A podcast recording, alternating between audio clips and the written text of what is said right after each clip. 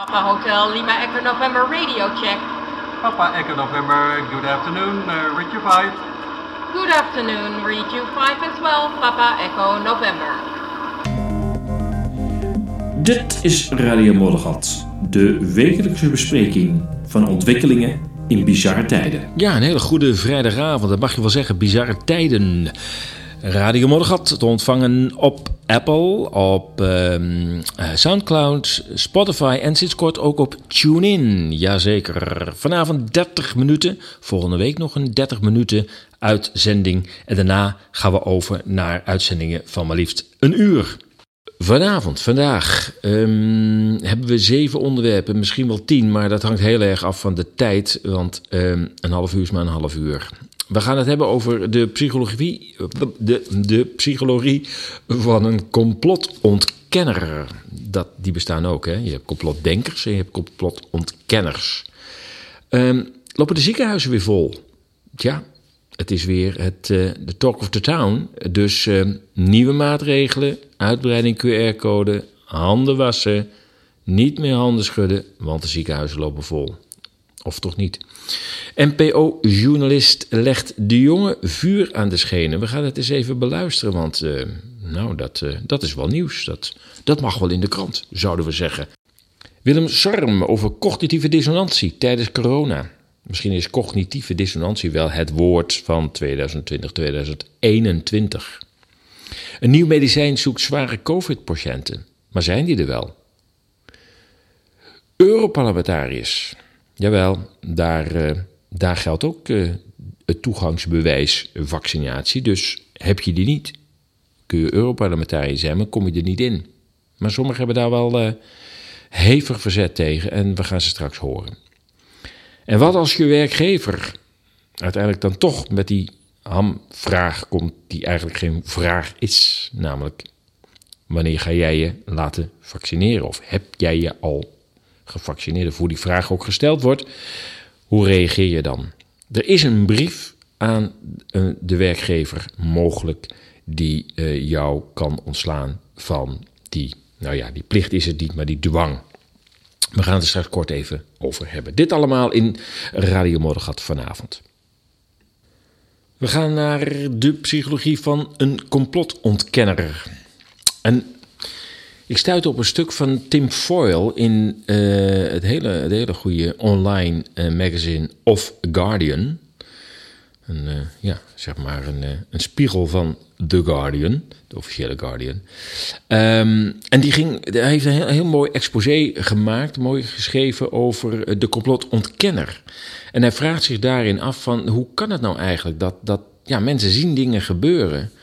Uh, maar willen dat niet, niet, niet waarnemen, hè? willen dat niet, niet accepteren dat, dat dat zo loopt. En ja, hoe komt het dat, dat wat hij zegt anders volkomen intelligente, weldenkende en rationeel uh, redenerende mensen zich verzetten tegen de suggestie dat sociopaten samenspannen om hen te manipuleren en te misleiden. En, en dat zullen velen van, van ons allen gemerkt hebben, Um, hoe komt het dat mensen dat standpunt van ja, de wereld is goed en we worden niet beduveld. Uh, ze menen het goed met ons, ze zijn er om ons te beschermen. Waarom wordt dat zo met zo'n grote felheid verdedigd? Dat is wat uh, Tim Foyle zich in het, uh, in het stuk afvraagt.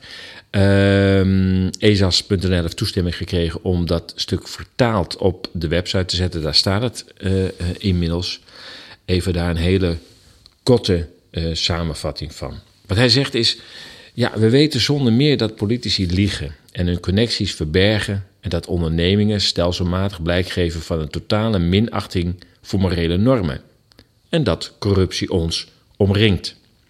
We weten dat de draaideuren tussen het bedrijfsleven en de politiek, het lobbysysteem, corrupte regelgevende instanties, de media en de rechterlijke macht betekenen dat wandaden vrijwel nooit tot een schijn van echte gerechtigheid worden gebracht. We weten dat de pers af en toe lawaai maakt over deze zaken, maar ze ze nooit daadkrachtig vervolgt. En we weten dat bij inlichtingendiensten eh, en de rechtshandhaving wandaden op adebenemende schaal aan de orde van de dag zijn En dat ook hier nooit gerechtigheid geschiet. En als laatste zegt Foyle: We weten dat regeringen herhaaldelijk de rechten van het volk negeren of met voeten treden. En het volk actief misbruiken en mishandelen. Niets van dit alles is op zich controversieel.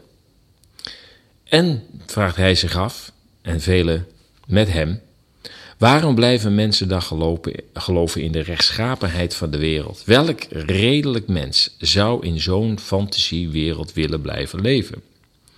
Ja, we ontdekken uh, elke keer weer, eigenlijk sinds maart vorig jaar, hoe hardnekkig toch een groot deel van de bevolking, Nederlandse bevolking, maar je mag ook zeggen Franse, Engelse, Spaanse bevolking, uh, blijft vasthouden aan die, aan die fantasiewereld. Terwijl als je deze losse onderdelen met mensen bespreekt, dan zeg je ja, ik weet ook wel dat, dat, dat mensen van bedrijfsleven weer naar politiek gaan, we politiek weer naar bedrijfsleven, dan weer naar de rechterlijke macht eventueel, en dat, dat er een draaideur is. En ik weet ook wel dat er corruptie is. Enfin, dan erkennen mensen dat. Maar op het moment dat het nu gaat over iets gigantisch als corona en alles wat daarmee samenhangt. Als je dan zegt, ja, maar zou het ook kunnen zijn dat ook in dit geval er sprake is van, van corruptie, van omkoping, misschien wel van bedreiging van regeringsleiders? Uh, zou dat kunnen zijn? Zouden we misleid kunnen worden door de overheid? Zouden we misleid kunnen worden door de media? Dan zul je meestal een redelijk felle reactie uh, terugkrijgen.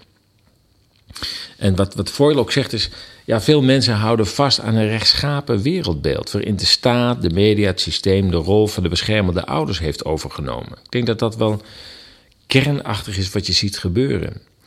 Als, je namelijk, als mensen beginnen te twijfelen aan het project corona, zoals ik het dan af en toe noem, um, dan, dan ga je ineens aan meer twijfelen. Dan denk je, ja, maar oké, als ik dan moet twijfelen aan het project corona. Maar ja, ik heb al anderhalf jaar geloofd wat de NOS mij vertelde en de andere omroepen. Moet ik daar dan ook misschien met enig wantrouwen naar kijken en luisteren? Ja, maar ik, ik lees de krant en er staat hetzelfde in. Ga je me nou vertellen dat, dat ik daar ook aan moet twijfelen? En ja, daar staat een minister en daar staat een premier tijdens die persconferenties die hebben, die hebben we zelf gekozen. Dus ja, hoe, kan het nou? Uh, oh, ik hoor dat de oven uh, klaar is met de voorverwarming. Dus ik ga direct even, even een kleine break houden. Daar merk je helemaal niks van hoor. Um, en, uh, en ervoor zorgen dat er direct toch even wat eten op tafel komt. Ik ben een beetje, een beetje laat met eten vanavond, dat, dat merk je zeker wel.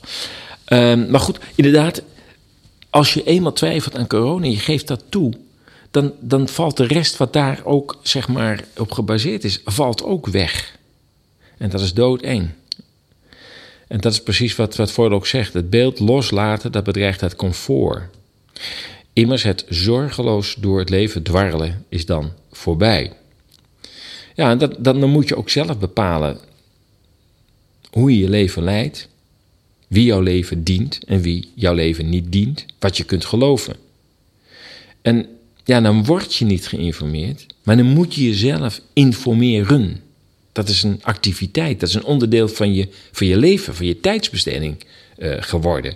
En dan moet je ook een mening hebben over, ja, wat kan ik dan nog wel geloven? Ja, dat moet je dan zelf uitzoeken. En dat willen heel veel mensen niet. Die denken, joh, ik heb het NOS-journaal gezien, vind het wel prima, dat is het dan. En het grappige is dat je in deze tijd best van mening mag verschillen, als het maar binnen het frame past dat door de mainstream media wordt aangeboden. Dan kun je de volgende dag op je werk komen, al dan niet met QR-code. En dan kun je praten over het nieuws. Maar altijd binnen de bandbreedte van de discussie die de media aangeven. En dan is het prima. Maar op het moment dat je met een andere bron aankomt, je moet er toch niet aan denken dat je ineens met Blackbox of met Café Weltschmerz of met De Nieuwe Wereld. Of nou ja, ga maar zo. Of met ezas.nl, maar wat te noemen. Of dat je iets bij Joran Luca hebt gehoord. En dan met je mening komt. Ja, dan heb je wel een probleem in je, in je geloofwaardigheid naar die mensen toe. En dan gebeurt er iets in de, in de relatie. Voor, en daar sluit ik mee af wat uh, dit onderdeel betreft. Voor zegt, naar mijn mening kunnen samensweringsontkenners zich zo vastklampen aan die volstrekt onlogische fantasie dat corruptie, bedrog, kwaadwilligheid en narcisme op de een of andere manier op mysterieuze wijze verdampen. En kunnen ze die ook agressief verdedigen.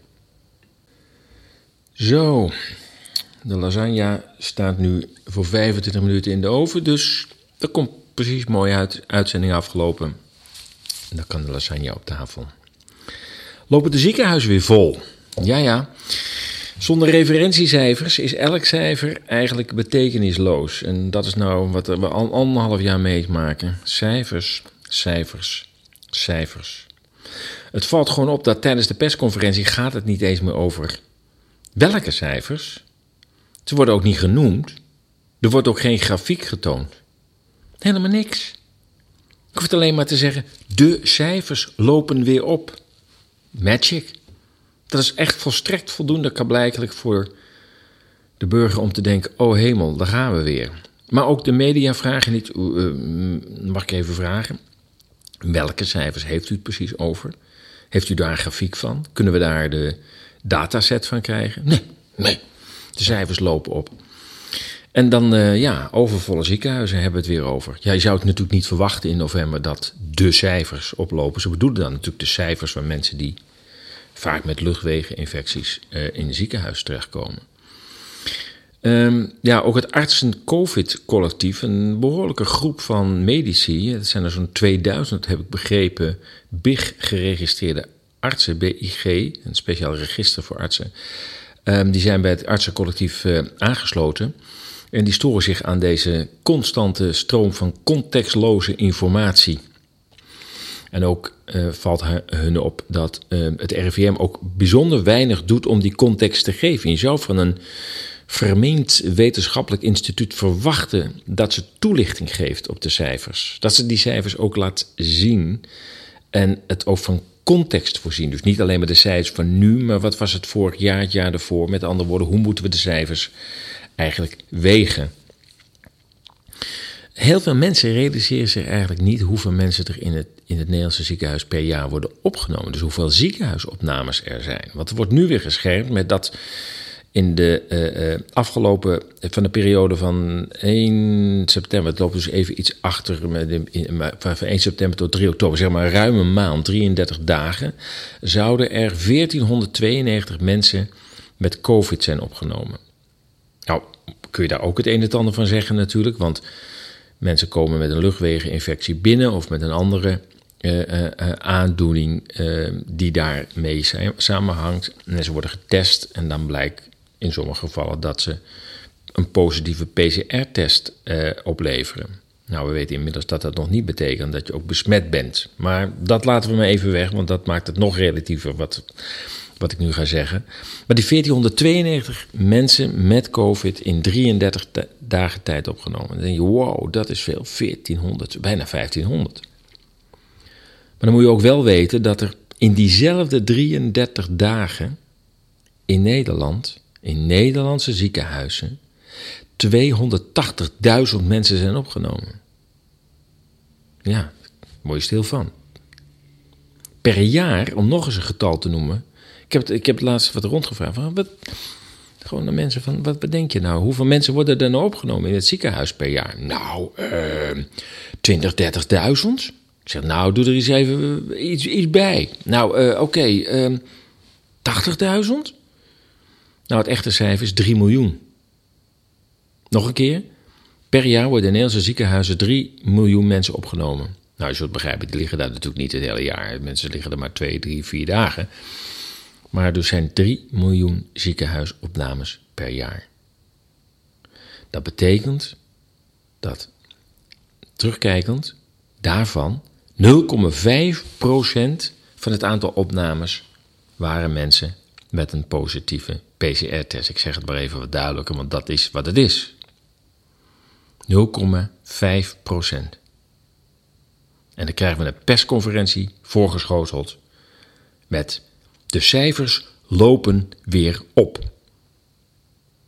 Maar gelukkig komt ook uit de zorg toch langzamerhand, nou ja, daar waren we natuurlijk al een beetje gewend dat er eh, klokkenluiders waren die zeiden, joh, dat is helemaal niet zo. Er is, is echt een andere situatie in de ziekenhuizen. En dat zal ook per ziekenhuis verschillen, denk ik. In Rotterdam zou het misschien anders kunnen zijn dan in, uh, in Leeuwarden of in Enschede. Dat, uh, dat zal best wel met elkaar verschillen. Maar uh, ook steeds mensen hoger in rang. Ik geloof dat voorzitter van de Raad van Bestuur van het Onze Lieve Vrouw Gasthuis in Amsterdam zich veel meer aan het uitspreken is hierover. Maar ook kwam um, van de week Jaap Bonjer aan het woord. ik dacht op Radio 1. Jaap Bonjer is voorzitter van de Nederlandse Vereniging voor Heelkunde. En die werd gevraagd van ja. Uh, is dat nou, de, die cijfers lopen op, maar is dat, is dat uniek? De virussen steken weer de kop op. Ook meer mensen met corona in het ziekenhuis. Afgelopen week trokken ziekenhuizen aan de bel. Want in sommige gevallen worden geplande operaties geannuleerd. Of dreigt dat te gaan gebeuren. Bij mij in de studio is aangeschoven chirurg in het Amsterdamse UMC. En voorzitter van de Nederlandse Vereniging voor Heelkunde. Ja, Bonjer. Fijn dat u er bent. Goedemiddag. Goedemiddag. Gebeurde dit voor corona in het uh, herfstseizoen vaker? Dat geplande zorg dreigde te worden gecanceld? Ja, zeker. Uh, cancelen van de geplande zorg is helaas uh, een heel frequent ge gebeuren in de dagelijkse praktijk. ook al ver voor corona en zeker tijdens het griepseizoen. Ja. En hoe was toen de verhouding mensen met griep en geplande zorg? Ja, die verhouding dat, dat wisselt uh, natuurlijk van, uh, van ziekenhuis tot ziekenhuis. En uh, de grootste drukte zagen we op de spoedeisende hulp en op de intensive care. En natuurlijk ook op de reguliere verpleegafdelingen. Ja, dus het is niet een specifiek coronaprobleem. Nee. Nee, dat is wel goed te weten. Want het zijn toch echt de mensen die um, niet gevaccineerd zijn, waar op dit moment naar gewezen wordt. Van dit is, uh, die maken het uh, anderen zo lastig. Ja, en ik denk dat dat niet helemaal terecht is. Want uh, voor de coronapandemie hadden we al een tekort van 14.000 medewerkers in de zorg. Gaat volgend jaar naar 75.000 medewerkers. Dus de rek was al enigszins uit voor de pandemie. En dat is, die rek is nu nog meer uit. Ja, en dan is corona dan net de druppel die de emmer doet overlopen. Maar goed, dat kan ook een groot verkeersongeval zijn. Als we nou kijken bij ons op de spoedeisende hulp in Amsterdam UMC... na tien uur s'avonds de ongevalslachtoffers hebben bijna allemaal een intoxicatie van alcohol of andere verdovende middelen. Dus als je nou de zorg wil ontlasten, is het ook goed om naar dat soort zaken te kijken. Ja, dus niet alleen naar vaccins, maar, maar uh, ja. alcoholgebruik. De, ja. dat, dat zou de, de, zorg ook net zo goed ja. ontlasten. Nou ja, ik fiets vanmiddag door de stad en dan zie ik weer allemaal mensen door rood fietsen. Dan denk je, ja, je kan ook even gewoon uh, 30 seconden wachten. Uh, dat scheelt ook weer in het ziekenhuis. Ja. Zo simpel is het ook weer. Of zeggen, het moet anders. De ziekenhuizen, daar is te veel op bezuinigd te zijn. Er is te weinig uh, geïnvesteerd. Te veel geld bij farmacie, te weinig naar het personeel. Ja, dat was WNL op zaterdag. Dus uh, er begint langzamerhand toch iets in het mainstream media landschap te veranderen. Ja, één zwaluw maakt nog geen zomer, maar het is al goed dat dit gewoon wordt benoemd. Te veel geld naar de farmacie, te weinig naar de zorg. Nou, dat is natuurlijk al jaren zo, maar dat heeft zich natuurlijk wel heel erg uh, voorgedaan sinds maart 2020.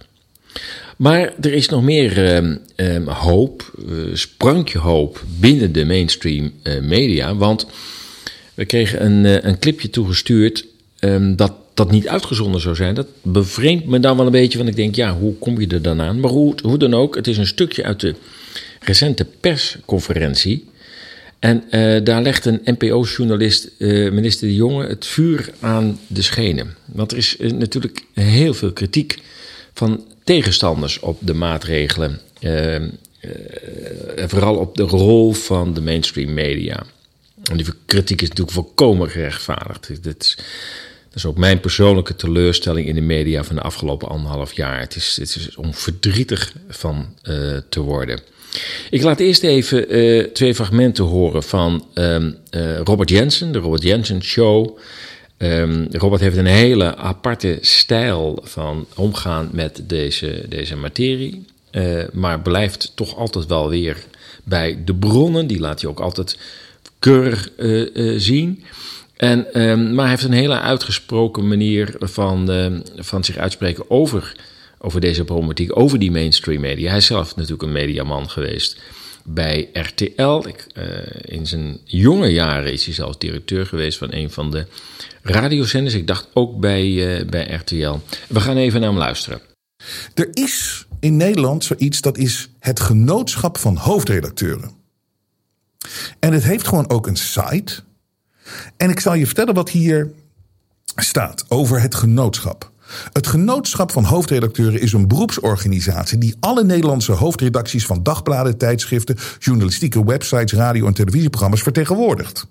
Om de onderlinge communicatie en informatie te bevorderen, onderhoudt het bestuur van het genootschap structurele contacten met het eh, NVJ, de NDP, de Raad voor Journalistiek en de journalistieke opleidingen, zowel HBO als universitair. Daar komt hij. Daarnaast treedt het bestuur op als gesprekspartner van verschillende overheden. En ik zal even, de jaarreden van de voorzitter, dat is de uh, uh, Marcel Ongeloofwaardig, die heeft dit, deze brief gestuurd. De jaarreden voorzitter 2021, want ze hebben net weer een meeting gehad. En luister goed. Collega's, het was in 2019 dat we elkaar voor het laatst tijdens een jaardag van ons genootschap ontmoeten. April 2019 in Den Haag, en daar komt hij, met Mark Rutte in het weldadige rode pluche van Hotel des Indes. Dat is dus al 2,5 jaar geleden.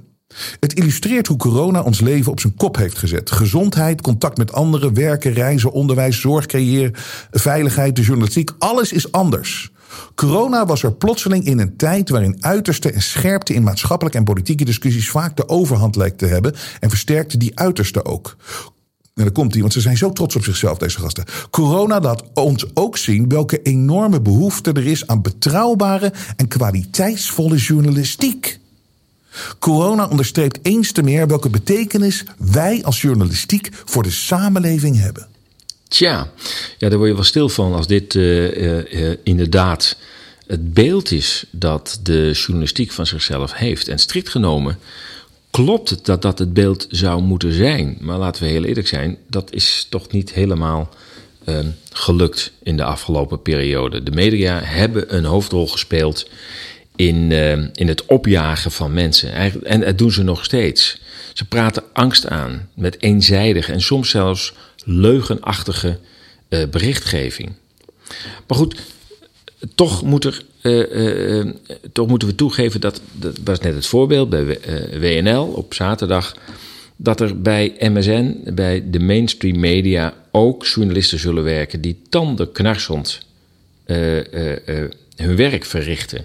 Vanwege het lijstbehoud. Mee moeten gaan in een tamelijk onderdrukkende cultuur, mediacultuur.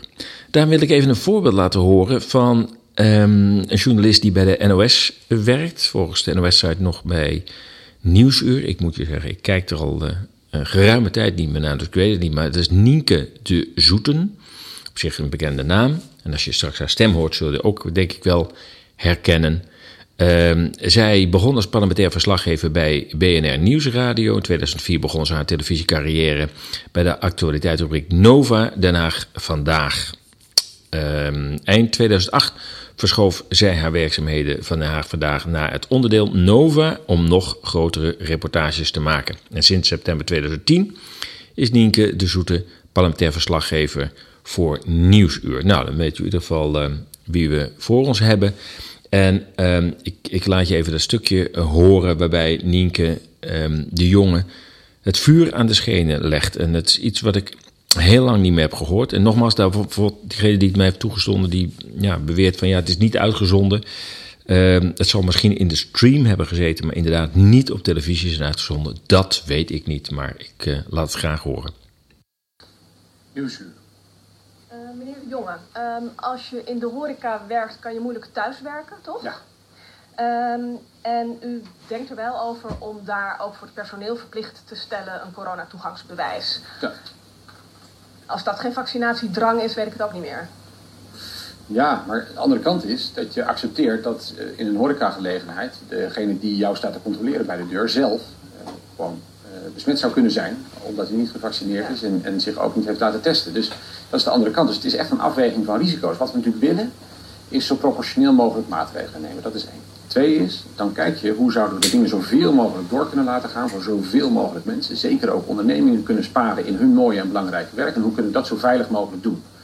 Nou, zegt het oké, als je dat wilt, dan doe je er echt verstandig aan om in alle CTB-plichtige sectoren die mogelijkheid ook te geven eh, om, eh, om je medewerkers te kunnen verplichten om ook die coronatoegangsbewijzen zelf te hebben voordat ze aan het werk gaan. Dat is eigenlijk wel logisch natuurlijk. Maar dan is het eigenlijk onmogelijk, want om je dan elke dag te laten testen, dus dat, dat voelt dan toch wel als een enorme drang. En u heeft eerder gezegd, ik vind het heel belangrijk, echt heel belangrijk om te onderstrepen, dat het nooit mag betekenen dat mensen zich verplicht voelen om zich te laten vaccineren. Klopt.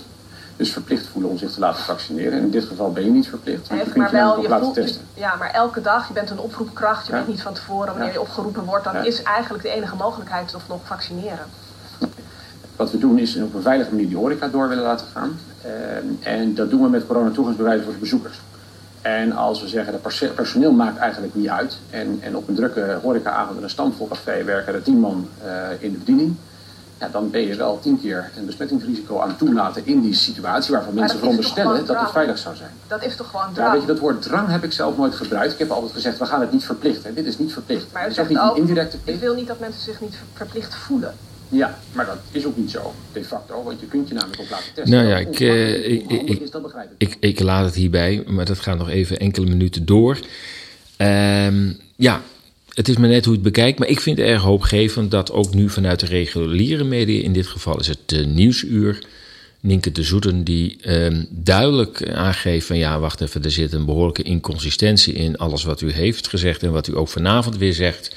En ik wil daar wel eens uitsluitsel over hebben hoe, hoe, wat, wat, wat nou werkelijk het verhaal uh, is, want het verandert elke keer. Dat is, uh, dat is zeer hoopgevend dat dat nu aan het gebeuren is. En laten we hopen dat dat doorzet en dat we met z'n allen meer eerlijkheid krijgen. Zowel in de, in de media, maar ook dat de overheid weer eens eerlijk wordt. Hè. Ook over dat, dat zogenaamde ongevaccineerde pandemie, wat natuurlijk een regelrechte schande is dat dat wordt beweerd. Het is overigens wereldwijd. Hè. Het, het, staat, lijkt wel of het overal in het script staat. Want het begon, dat, dat gedoe over, ja, het, het, is een pandemie van, van niet-gevaccineerden. Uh, dat begon wereldwijd bijna in dezelfde week. Ja, dat, is, dat, dat kan geen toeval zijn. En dit is ook gewoon pertinent onwaar. En als dan Tweede Kamerleden vragen, enkele Tweede Kamerleden, want de regeringspartijen die zwijgen als een graf, als het graf. Maar als dan enkele uh, parlementariërs dan toch nog vragen van ja, maar laat dan die cijfers zien. U beweert van alles, maar laat dan die cijfers zien. Ja, nee, dat komt voor het RIVM. Nou ja, oké, laat het RIVM de dataset maar overhandigen. Nee. Nee, nee, nee, nee, nee, nee. Dat, zo'n vraagstelling, dat tast, daarmee tast u al meteen de geloofwaardigheid van het RIVM aan. Ja, wat moet je daarmee? Het geeft aan dat de overheid gewoon geen openheid van zaken geeft. En ik denk dat dat op termijn ook haar, uh, haar uh, ja, battlefield, haar, haar ondergang gaat worden. Je kunt zo een, een land niet blijven besturen met leugen en bedrog. En denken dat je 17,5 miljoen of 18 miljoen mensen elke keer maar weer met een kluitje in het riet uh, kan sturen. Daar zal echt wel op deze manier een keer een einde aan komen. We gaan naar Willem Sorms. Willem is marketingdeskundige. En in gesprek met Martine Groenveld van Café Weltsmerts spreekt Willem over de marketingaspecten van de coronamaatregelen. Willem is uh, langzamerhand een soort uh, nationale bekendheid op LinkedIn geworden, omdat hij daar al sinds het begin van de coronacrisis uh, analytische stukken over schrijft. Um, en dat op een zeer conscientieuze, afgewogen manier doet. En daar heeft hij langzamerhand wel naam en faam meegemaakt. Er zijn ook prachtige artikelen. Willem Sorms, onthoud het, zoek hem even op op, op LinkedIn. Een van de onderwerpen, hij heeft heel veel onderwerpen besproken en doet hij veelal vanuit marketingoptiek, dat is zijn vakgebied. Een van de onderwerpen daarbij is cognitieve dissonantie, een psychologisch mechanisme om de eigen waarneming, die afwijkt van de realiteit, met elkaar in overeenstemming te brengen. Dus de waarneming in overeenstemming brengen met de realiteit. Of het verschil daartussen te verklaren daarmee of goed te praten. Um, daar laten we even Willem over aan het woord. Nou ja, hoe, hoe volgens mij vanuit de psychologie, maar uh, ben me niet op vast, ik ben geen psycholoog. Uh, cognitieve dissonantie vaak wordt uitgelegd is het kind dat uh, voor zichzelf niet wil erkennen dat Sinterklaas eigenlijk niet bestaat. Ah, okay. Ehm, een, een, kind gelooft heel graag dat Sinterklaas bestaat. Um, zelfs al komt hij in de leeftijd dat hij eigenlijk wel snapt dat een paard niet op een dak kan. Um, dat het wel vreemd is dat hè, daar ochtends dan uh, de, schoen leeg is en daar ligt dan een stukje wortel. Uh, maar Zwarte Piet, die komt toch, uh, of Piet moet ik tegenwoordig zeggen, die komt toch uit de schoorsteen. Maar we hebben helemaal geen schoorsteen. dus een, een, kind is heel goed om, om die, om, om, om die die dissonantie heet dat. Die vreemde, die, die, die, die, die vreemde um, missende logica voor zichzelf goed te praten. Mm -hmm. Om maar vast te kunnen houden aan het idee dat Sinterklaas bestaat. Duidelijk. Want van Sinterklaas krijgt hij een cadeautje. En stel nu dat Sinterklaas eigenlijk niet bestaat. Dan, ja, dan komt dat cadeautje komt in gevaar. En vandaar dat uh, volgens mij he, cognitieve dissonantie op die manier vaak uitgelegd om toch maar liever vast te houden aan vreemde zaken.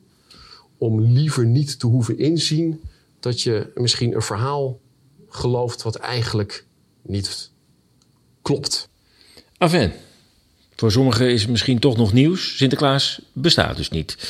En als je denkt dat hij nog wel bestaat, dan, uh, dan is er sprake van cognitieve dissonantie. Um, Willem heeft over veel onderwerpen op LinkedIn geschreven. Um, een daarvan, een van die onderwerpen, is de QR-code. En in gesprek met Martine Groenveld van Café Weltsmets laat, ook, um, laat Willem ook daar zijn licht over schijnen. Um, voor een overheid is het erg interessant als je uh, het volk, de burger, zover kan krijgen dat ze een app op hun telefoon downloaden en ergens bij toegang een QR-code um, scannen om daarmee te laten zien dat ze meegaan in een maatregel of zich gedragen volgens uh, ja, een verzoek vanuit de, de overheid, wat dat verzoek ook is. Maar ja, hoe krijg je mensen nou zover dat ze een app downloaden en installeren? Um, als ik dat dan zie als een soort haak, hè, dus Ja. de haak waar je de mensen aan vangen wil, dan vraag je wat is dan het aas? Ja, en dan krijg je dus het vaccin. Um, um, bied mensen een gratis vaccin aan, eh, zet dat in de markt, eh, dansen met Jansen. Ja. Um, um, dat is, nou, is prima, koppel dat dan wel aan een QR-code. Van, wil jij een QR-code? Dat is gratis. Nou, dat vaccin is ook gratis. 1 minus 2. Ehm, neem het vaccin, download de, de app en je hebt een code. Echter, vervolgens heb je die code op je telefoon. Ja, en die wil je dus niet meer kwijt. Ehm, en nou ja, dat is, hè, hoezo dat wil ik dan niet, meer kwijt? Nou ja, dan is dus de, de, vraag, goh, ehm, wat zullen we straks misschien, door welke hoepel moeten we straks misschien eh, springen om dat groene vinkje of die QR-code te mogen houden? Ja, wat, uh, wat Willem zegt. Door welk hoepeltje moet je de volgende keer springen om weer dat groene vinkje te behouden? Dat je weer de restaurants in kan, naar je sportschool, et cetera, et cetera. In Israël uh, is het groene vinkje al lang weer vervallen. Want dan moet je de derde shot hebben gehad. Wil je weer voor een tijdje de, het groene vinkje krijgen. En de vierde shot is ook al aangekondigd. Nou, je voelt hem natuurlijk al aankomen. Dat wordt een oneindig verhaal van elke, nou ja, zeg het maar, zes maanden een shot nemen met een experimentele vloeistof in je arm, mRNA. Je moet het maar willen om je vrijheid uh, steeds maar weer terug te kopen. Iets wat ooit een recht was, is een voorrecht geworden die je wordt gegund onder medische voorwaarden. Dat is andere koek. In ieder geval, um, ja, nou het zit er weer op. Deze uitzending van Radio Mordegat, 30 minuten versie. Volgende week nog één keer in 30 minuten gaan we ook de onderwerpen behandelen die we nu niet konden behandelen. Um, en twee weken daarna beginnen we met de nieuwe Radio Moddergat. 60 minuten lang en een nieuw geluid. Voor nu, ik wens je een heel prettig weekend. Blijf gezond, blijf sterk. Tot dan. Papa Hotel Lima Echo November radio check. Papa Echo November, good afternoon, uh, read you 5. Good afternoon, read you 5 as well, Papa Echo November. Enerzijds anderzijds zoekt naar nieuwe inzichten in actuele thema's. De massamedia die lang werden vertrouwd, hebben dat vertrouwen bij velen verloren. Enerzijds anderzijds wil met haar berichtgeving meer balans brengen in actuele onderwerpen. Lees onze berichten en artikelen op ezas.nl. Laat ons uw mening weten en deel onze artikelen.